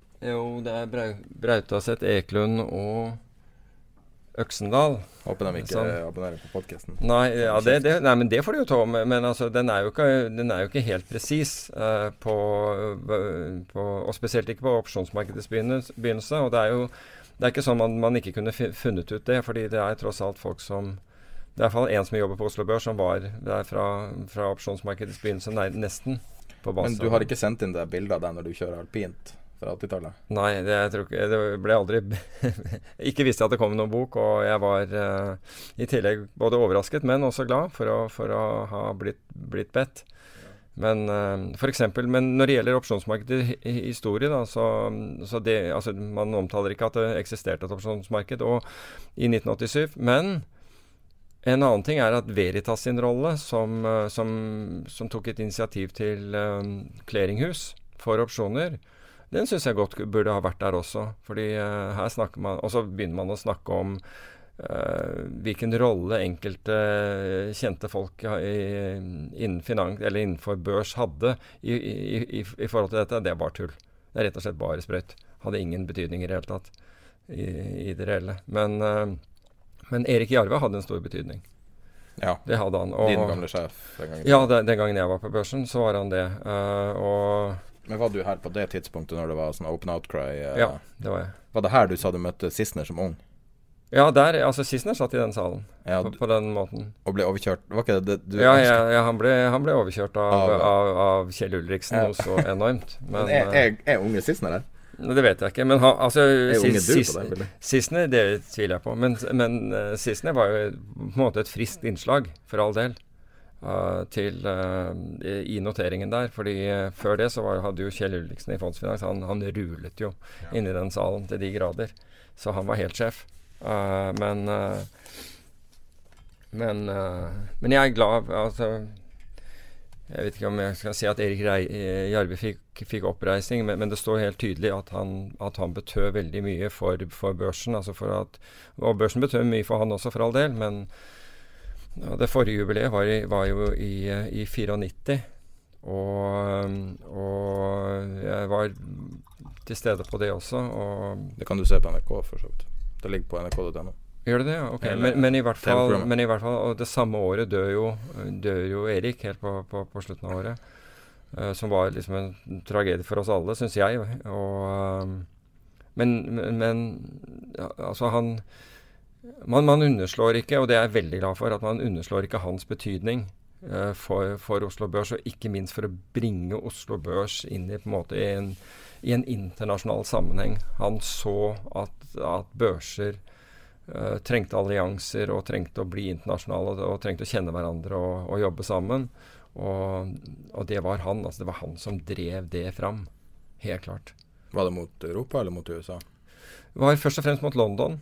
Uh, fordi London var på en måte ledende. Men også i, i Det var jo en sånn europeisk børsunion, men når det gjaldt mot opsjoner, så, så, så, dro man jo inn USA, American Stock Exchange og alt mulig sånn. Altså Veritas hadde, hadde, jo vært i USA, uh, så um, så overraska at Veritas spilte en så viktig rolle. Veritas spilte, altså De ringte en dag, og de ringte meg en dag på, på jobb og sa at, de, sa at de Fordi behovet var jo altså Dette var i, i, i tidlig 80, altså, eller ikke tidlig 80, sen 80, 87 til 90, før handelen begynte på Oslo Børs.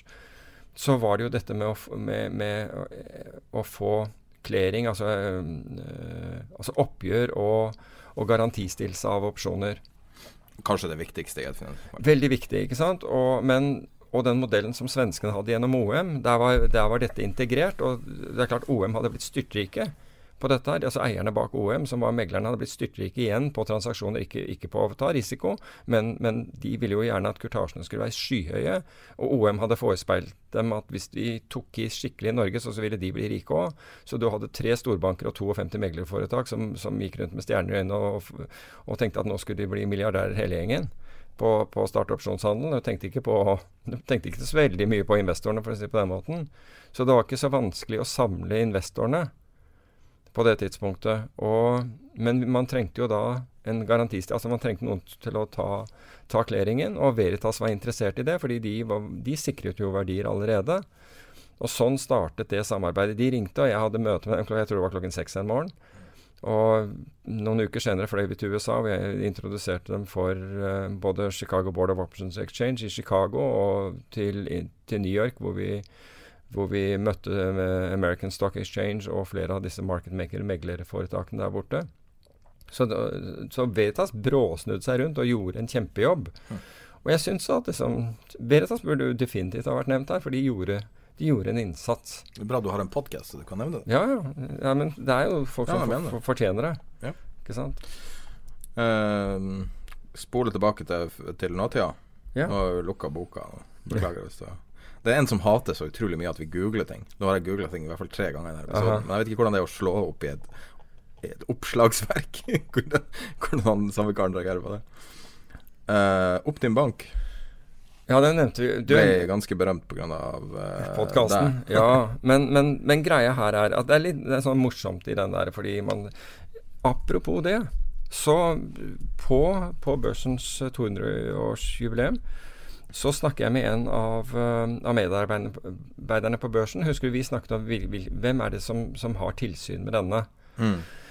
og de sier at de syns det var utrolig ålreit at vi hadde tatt det opp, fordi de hadde ikke tilsyn. Det, Jeg har snakket med Stockwatch børsen. Ja, Stockwatch har ikke noe med tilsyn der. Det er Finanstilsynet som har tilsyn med dette. Kun Det var det han sa også. Det var jo sjokkerende. Ja, og, ja så, som hadde det. Men han syntes det var veldig bra at vi tok opp. Men det som var interessant med dette, det var at vi tok jo dette Altså, jeg skrev en, en, blogg uh, om dette. Og én uke etter, at jeg, etter den bloggen, eller eh, det blir fem dager etter at den blir publisert, for jeg skrev den i, i Viken om Så kommer Optin Bank med tallene. Det skjer to ting for øvrig. Han, han som er styreformann i Optin Bank, han, han sa jo på base av uh, avisoppslag at dette skulle de jammen se på, hele greia. Um, tre dager etterpå så får jeg en sånn unfollow på Twitter, og det er han. Jeg liker at du har oversikt over hvem som følger deg. Ja, det er ganske interessant. Nei, men jeg fikk en sånn der alert på det der. Det syns jeg var Det synes jeg, tenkte jeg det var bra. Uh, mindre bra var at liksom sfæren rundt han begyn, be, ønsket å bli venner med meg på Facebook. Da tenkte jeg det her skal jeg være litt, litt forsiktig. Eh, Lurte på hvem nå, nå, nå har du nørt i noe, noe som er sårt. Men, de, men hør på dette. De kommer med, med vanvittig dårlige resultater. De kommer med skikkelig dårlige resultater. Og så, husker du, vi, vi snakket, denne aksjen handlet på 18 og 20 kroner. Vi mente at det var markedsmanipulasjon. Etter emisjonen, etter at de har denne kriseemisjonen, så er bokført verdi per aksje 6,5 kroner. Og hvis du tar bort fremførbart underskudd og immaterielle verdier, og tapene deres i første kvartal, så kommer du ned i fire kroner. Altså Når du først begynner å regne på noe folk irriterer deg, så, så kikker du på det. 4 kroner og 22 øre. Ok? Så denne banken her, altså det er ikke en forbruksbank med en kriseemisjon som vil handle på bokført, altså på pris bok på 1. Denne her handler da på pris bok på 4,7. Skjønner du hvor, hvor absurd det er? Det er nesten femgangeren. Altså det er mer enn femgangeren, for den, er, den skulle ikke handle på prisbok 1 engang. Altså hvis ikke dette er Altså sorry, men dette her er gudsmanipulasjon. Altså nå Let it be said.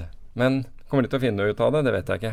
Her, altså Her skal her, Hva heter den derre Du har sett den der med, med, med disse tre apene. Den ene er blind, den andre er stum, og den tredje er døv, eller hva det er for noe. Her skal liksom Finanstilsynet være alle tre på en gang, og det har de jo vært før. Intet sett, intet hørt. Ja, intet sett, intet hørt. Ja, ikke sant? Altså hvis det ikke er noe sløvt bak. Nå har vi holdt på 1 time og 20 minutter, men vi har én fane igjen i crommen min. Har vi? Det er når uh, Jimmy Diamond fikk kjeft av politikere. Eller alle sammen. Banksjefen ble dratt inn foran Kongressen. i De store investeringsbankene. Ja, altså alle de, de, de du, du har hørt om. Ble dratt inn og fikk kjeft. Og uh, ja, Jamie Diamond fikk kjeft, alle fikk kjeft. Um, av banksjefene. Ja, noe så ordentlig. Og, og eneste grunnen til at jeg skal få det, er jo selvfølgelig bare for at de her folkene skal samle stemmer og alt mulig. Men det er nå like artig å se på hver gang, altså. Ja, ja det var jo Og Jamie Dammen tjener 31 millioner dollar. Det er helt Men samtidig så er han den helt klart mest veltalende av dem. Han som tar på en måte kritikken og, og lar seg ikke forlede. Altså Der hvor han ikke har kunnskap, så sier han det er jeg nødt til å se på. Ja, Det vet jeg ikke. Men altså han er jo den som på en måte opptrer mest regalt av, av disse her, i den grad du kan kalle det det. Um, Han er jo en statesman. Han ser til og med ut som en Ja, ja. statesman, liksom.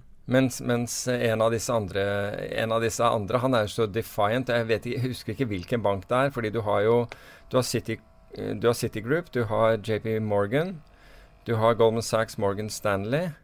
Du må ha Bammel, antageligvis der. Det er i hvert fall fem. Det er flere, men en eller annen av disse her. Fordi det er, det er en av disse som, som gjør utspørringen, som spør Hører dere alle meg? Fordi det er ingen som reagerer når han sier noe.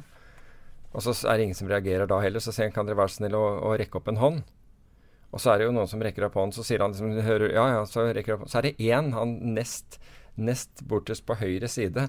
Han helt, helt han der fyren sier 'Du hører meg virkelig ikke'. Så til slutt så rekker han sånn motvillig opp hånda. Han er, han er skikkelig defiant. Det fikk jeg ikke med. Jo, jo. jo, jo. Jeg skulle se på bildet og se hva Men det var. jo, men, men det er jo ikke noe rart, altså. Du, du- det er som, som man sier innledningsvis i denne høringen, at uh, hvor man oppsummerer bøtene som disse ulike bankene har fått etter finanskrisen, og, hvilken, og hvor mye penger de har tjent siden. Og hvor de, og hvor de tilsynelatende ikke angrer på noe som helst. Det har ikke fått noen konsekvenser for, uh, for, uh, for ledelse i disse bankene. Det er jo 2000 banker som, ikke, som riktignok ikke er der lenger, men det er jo småbanker som ikke på en måte er i den kategorien too big to Ja, savings and loans og sånt. Ja, helt riktig. Uh, og som at Og som rett og slett sier Jeg oppfatter at, at de bøtene vi har gitt dere, er bare At dere ser på dette her som rett og slett the cost of doing business. Det spiller ingen rolle for dere.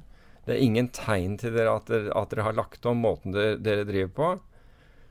Det er bare the cost of doing business. Og, det er liksom, og, og er irritert over det. Det er klart det er ganske berettiget harme, føler jeg. Det er jo det. Det er jo ingen andre altså det er ingen annen bedrift i samfunnet som kan opptre sånn uten at det får konsekvenser. Vil ikke skje. Se på nå, det er jo flere nå som, har, som blir eh, dømt til eh, fengselsstraffer for, for rentemanipulasjon av disse bankene.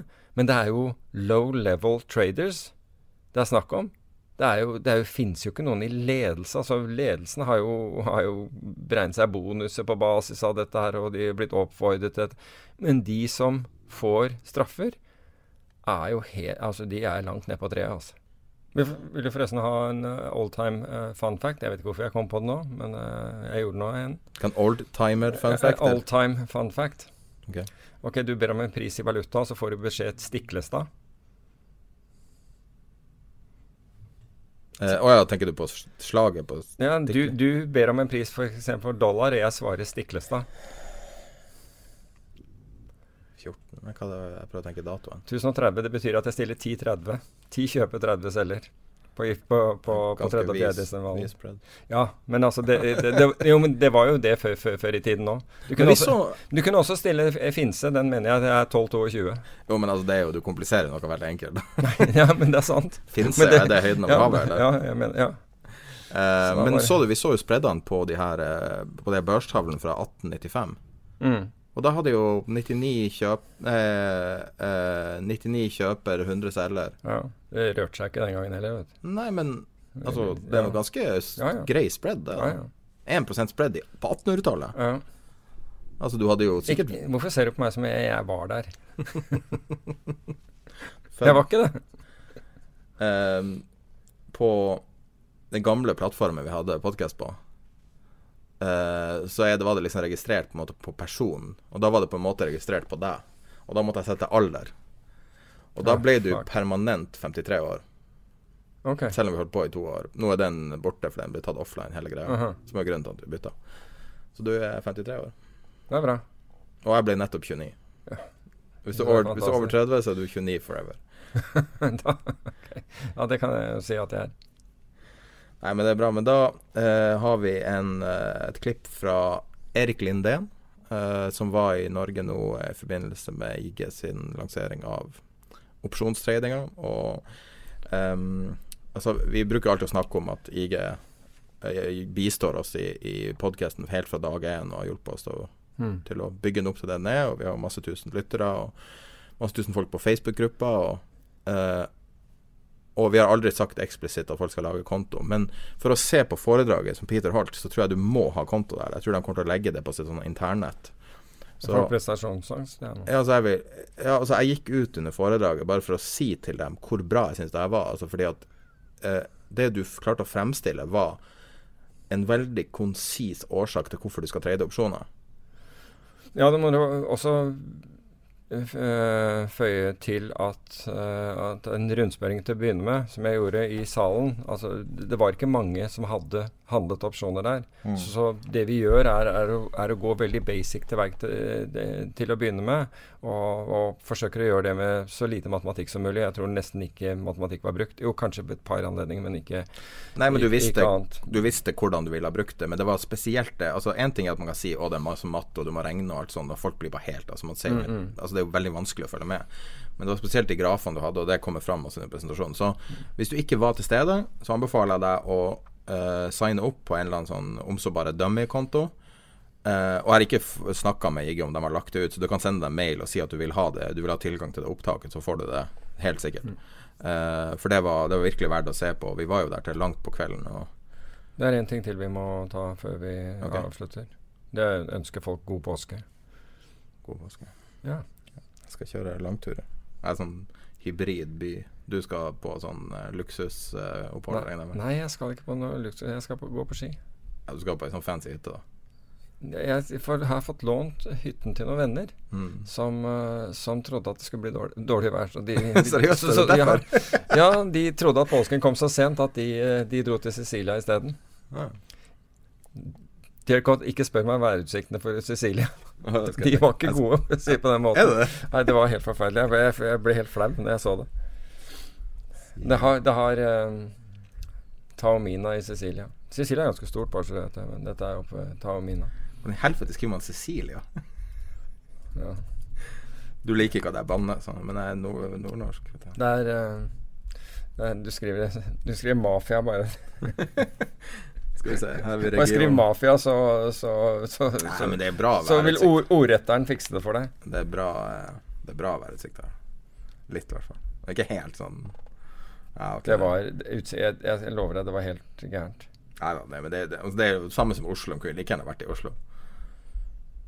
Så Nei, så du skal Hva, hva det vil si å låne ei hytte? Ja, er det en gratis opsjon? Eh, ja, altså de var så snille. De det verste er at de har, de har, eh, de har eh, kjøpt hytten i år. Og hvem, hvem, låner ut ei fjellhytte i påsken? Er ikke det hele poenget med å ha hytte? Ja, er, vet du hvem som gjør det? Venner gjør det. Venner gjør det. Og, og det var, prøvde å si jo, men, jo, men, Veldig sånn tydelig hint. Ja, men, ja, veldig tydelig hint. Og, og det var ekstremt sjenerøst av dem. Det må jeg si. Det er veldig takknemlig for det. Kan jeg låne båten din, da? Bare fyr opp og dra. jeg vil si at vi er venner. Bekjente. Ja, du må bare finne steder å bunkre. Har du nøkkelen? Ja, ja, ja det, det, det, det, er så dyrt å, å drifte det at jeg kan like gjerne bare leie det. Ja. Nei, nei. Nei, men da eh, Nok babbel. Kanskje vi klipper det bort det siste. eh, her er i hvert fall Erik Lindén fra IG Markets. Um, tydeligvis så har IG en uh, forkjærlighet for å ansette folk som heter Erik. Vi har jo ofte med Erik Hansen fra, fra IG i vår podkast. Um, men nå sitter vi her med en annen Erik, og du kan kanskje presentere deg sjøl og hva du gjør i IG? Jättekul att vara med här. Jag är som sagt den andra Erik, heter Erik Lindén och har tagit över en roll som Erik Hansén hade där han både var marknadsanalytiker och premium client manager. Och då har jag tagit över rollen som Premium Client Manager. Eh, så jag är fokuserad på aktiva traders och inom den gruppen så hjälper Premium Client Manager de mest aktiva kunderna.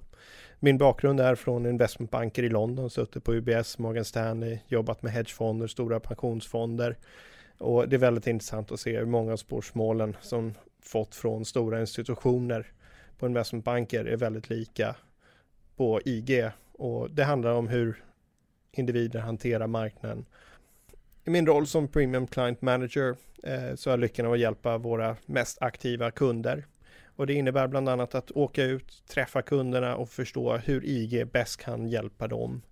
Ett exempel på detta är att förstå hur vi kan anpassa marknaden efter ens egna trading, träffa andra traders, bolla idéer, träffa experter i marknaden, folk som har jobbat på hedgefonder, tradingpsykologer, kan vara elitidrottare och förstå vilket värde traders kan få för att ha mer framgångsrik trading, lättare vardag. IG har även en väldigt bra plattform som vänder sig till aktiva kunder. Ett exempel på detta är om du har ett spårsmål och vill ringa in och prata med oss så bland våra mest aktiva kunder så svarar vi i telefon. I snitt, eller 90% av samtalen vi får in från våra aktiva kunder svarar vi på under 6 sekunder. Det här är alltså snabbare än 112 har i svarstider. IG har alltid varit ett bolag som gillat innovation och var marknadsledande och fokus är alltid vad efterfrågas. Så vi gillar att höra frågor från och spörsmål från kunder kan ni erbjuda blankning i det här pappret? Kan ni erbjuda optioner i den här aktien? Eh, till exempel hade vi väldigt stor efterfrågan på FANG-aktier. Och vi har 24 timmars handel i index. Och eftersom efterfrågan var så stor så har vi även erbjudit 24 timmars handel i alla FANG-aktierna. Trots att det inte finns en annan underliggande marknad och vi är ensamma om det på marknaden. Tired of ads barging into your favorite news podcasts? Good news. Ad-free listening is available on Amazon Music for all the music plus top podcasts included with your Prime membership. Stay up to date on everything newsworthy by downloading the Amazon Music app for free or go to amazon.com slash news ad free. That's amazon.com slash news ad free to catch up on the latest episodes without the ads.